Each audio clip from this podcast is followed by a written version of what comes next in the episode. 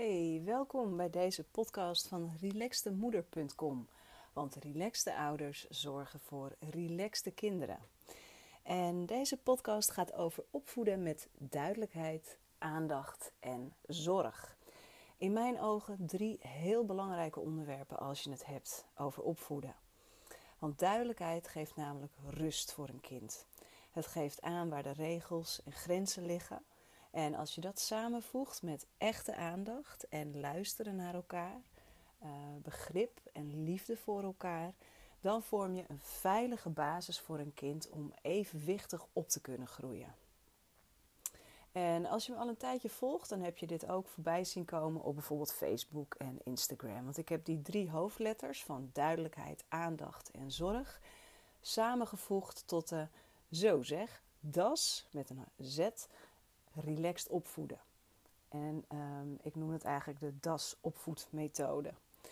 En natuurlijk gaat er achter ieder woord van die methode dan ook nog een wereld aan mogelijkheden en kansen schuil om de verbinding met je kind nog sterker te maken.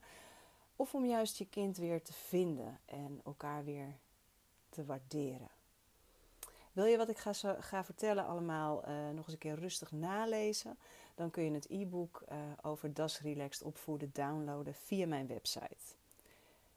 En voor ik dieper inga op die drie onderwerpen, stel ik me ook nog eventjes voor. Ik ben Linda de Groot en ik werk als opvoedcoach.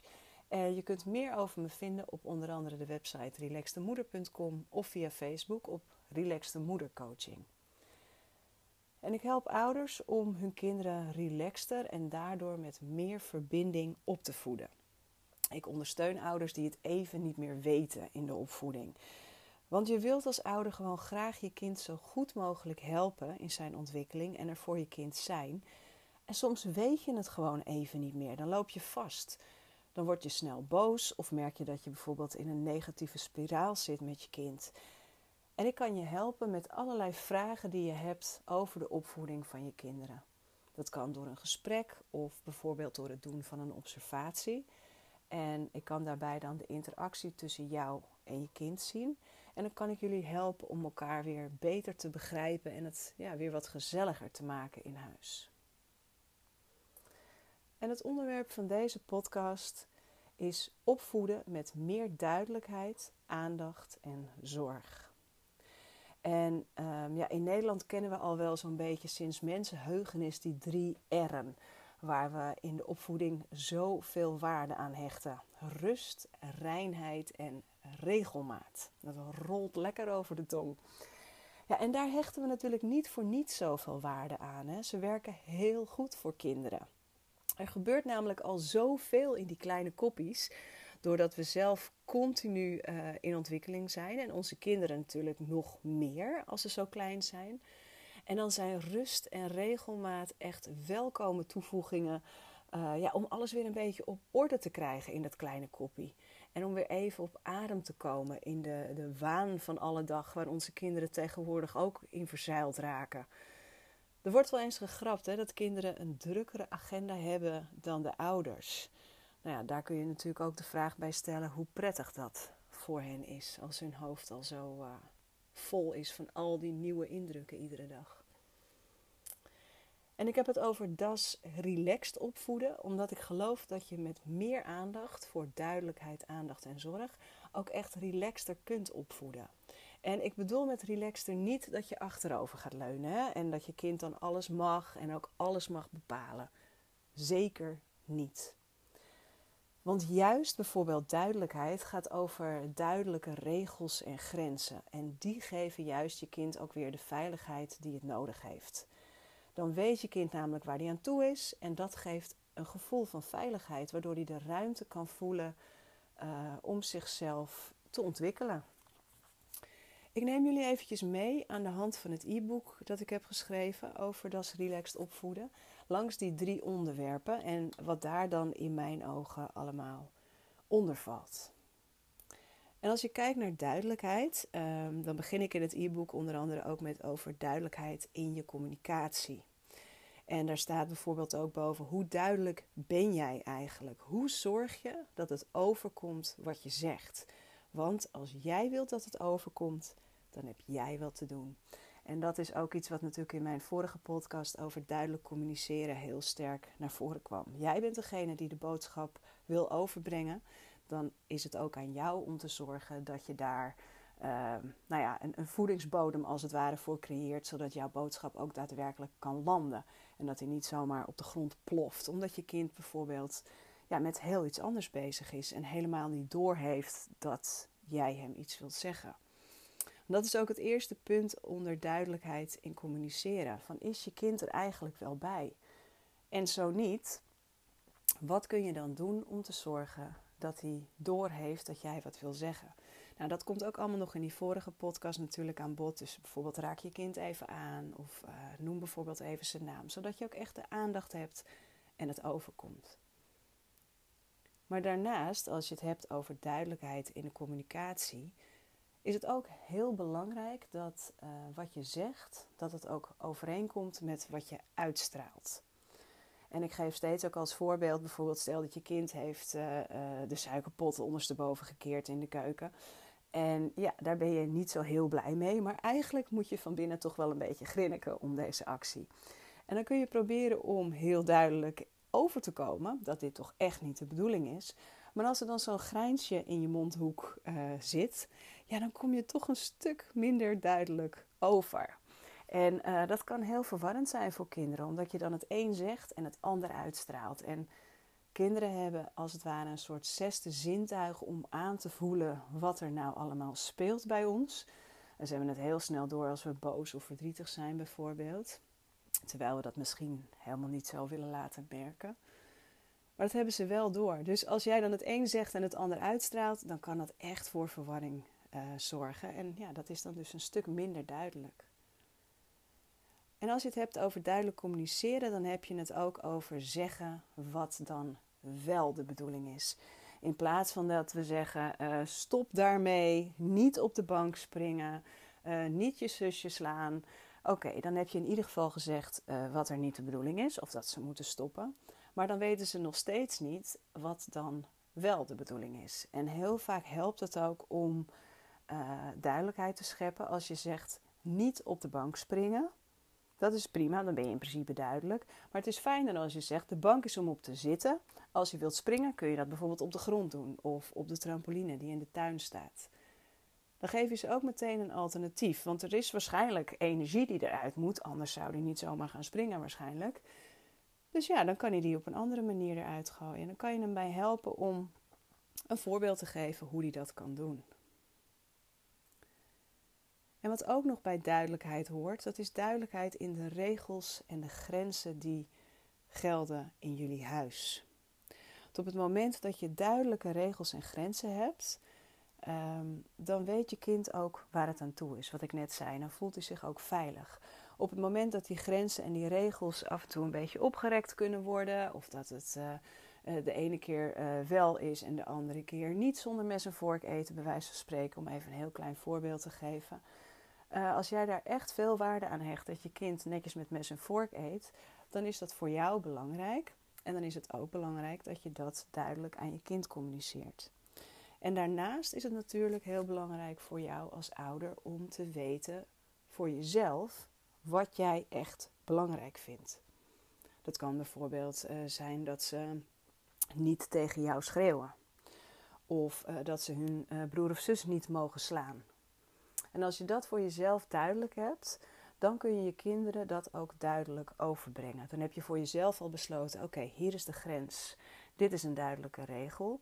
Die breng je dan ook over. En op het moment dat dat voor jou klopt, ben je daar ook veel geloofwaardiger in. Dat is eigenlijk hetzelfde idee als dat er bijvoorbeeld een, een kop hete thee op tafel staat en je kind loopt daar vlak langs. Dan zul je ook meteen zeggen: stop, pas op! En op dat moment klopt alles wat je zegt. Je intonatie, wat je zegt, je houding. Want er is gevaar als het ware. Dus op, op zo'n moment klopt alles. En met het duidelijk overbrengen van regels die in huis gelden, geldt precies hetzelfde. Zorg dat het klopt wat je zegt. Dat je bij jezelf ook voelt dat dit voor jou een grens is. Dat het voor jou duidelijk is dat deze moet worden nageleefd. En tenslotte gaat het er natuurlijk ook nog om dat jij je daar zelf aanhoudt. Want als jouw kinderen eh, bijvoorbeeld niet op de bank mogen springen, om maar even een raar voorbeeld te geven, ja, dan is het wel heel raar als jij dat zelf wel gaat doen. Of als je zegt, nee, je mag niet zomaar een koekje uit de trommel pakken zonder het te vragen. En ze zien jou dat wel gedurende de dag een paar keer doen. Ja, dan wordt het wel een beetje uh, wazig, wou ik eigenlijk zeggen. Dan wordt het een beetje onduidelijk wat nou eigenlijk de regels zijn. En heel vaak doen kinderen wat wij doen. Ze doen niet wat wij zeggen, maar ze doen ons na. Het zijn natuurlijk hele goede imitators wat dat betreft. Dus op het moment dat jij iets heel duidelijk stelt, maar je houdt jezelf er niet aan, ja, dan ben je echt, uh, echt een stuk minder geloofwaardig. Als je dan vervolgens kijkt naar het onderwerp aandacht, dan zijn daar ook weer drie kopjes in dat hoofdstuk. Aandacht voor wat je kind nodig heeft, aandacht voor de verbinding met je kind en aandacht voor jezelf.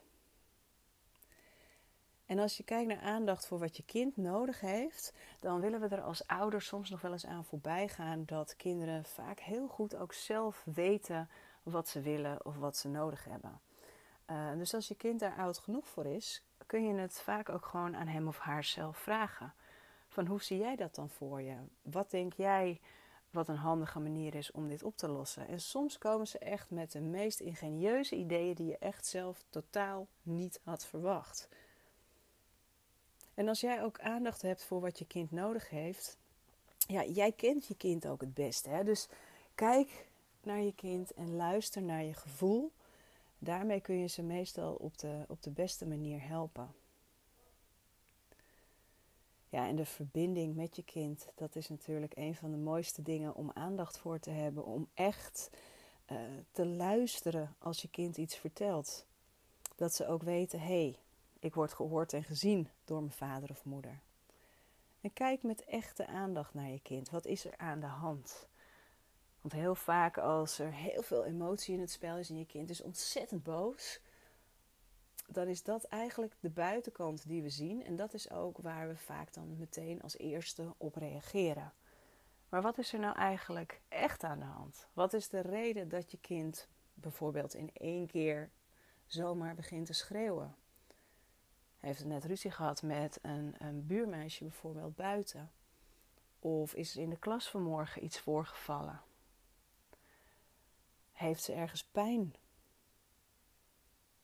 Zijn er een aantal dingen gebeurd die, uh, waarvan op een gegeven moment dit de druppel was?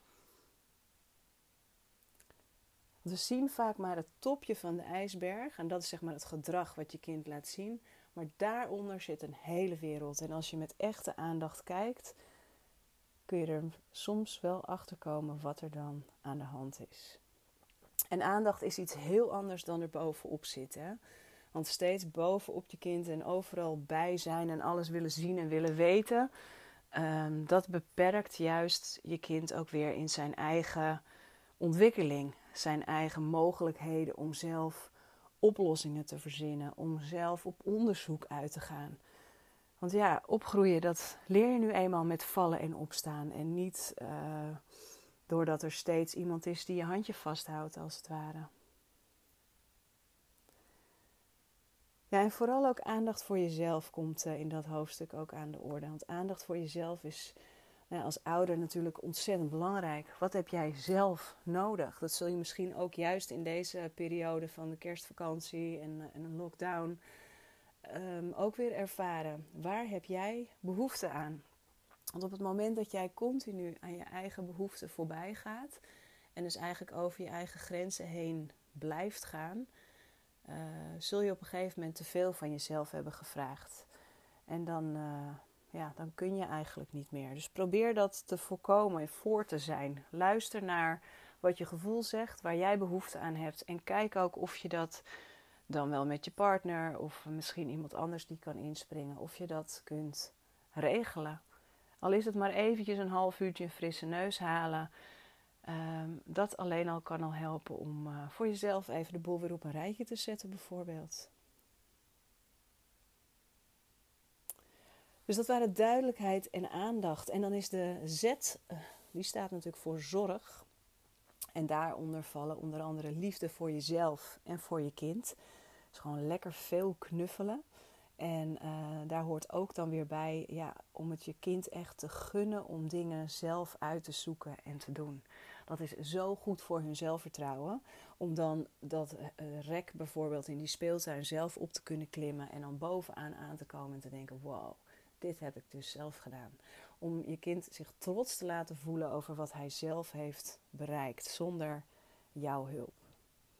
Dat is super goed voor zijn zelfvertrouwen. Ja, en nogmaals, die zorg voor, je, voor jezelf ook hè, als ouder. Want ja, als jij omvalt, wie zorgt er dan voor je kinderen? En uh, ja, hoe zorg jij voor jezelf? Hoe zorg je voor rust in je hoofd? Um, en hoe, uh, uh, ja, welke keuzes maak jij in waar je je druk om maakt? Dus eh, choose your battles eigenlijk, zeggen ze vaak. Hè? Dus ga je overal het gevecht over aan met je kind? Wil je overal iets van vinden? Of uh, kies jij een aantal dingen waar je echt druk om wil maken? Bijvoorbeeld waar ik het net ook over had, die regels waarvan je echt wilt dat ze ze naleven. Dan zijn dat de dingen waar je op je strepen gaat staan. En bij andere dingen kun je dan, uh, nou ja, misschien ook wat ik in die podcast zei over touwtrekken. Hè? Daar kun je het touw dan wat meer laten vieren. Dus waar ga je echt de wedstrijd over aan? Waar ga je echt duidelijk uh, je grenzen aangeven? En wat zijn kleinere dingen die je nou ja, eigenlijk wel kunt laten. En onder zorg valt ook naar elkaar luisteren en naar jezelf luisteren. En dan ook echt luisteren. Ieder mens wil tenslotte gehoord en gezien worden. En luister echt. Dus zonder, uh, uh, uh, zonder te luisteren om zelf te gaan vertellen, maar echt luisteren om het luisteren.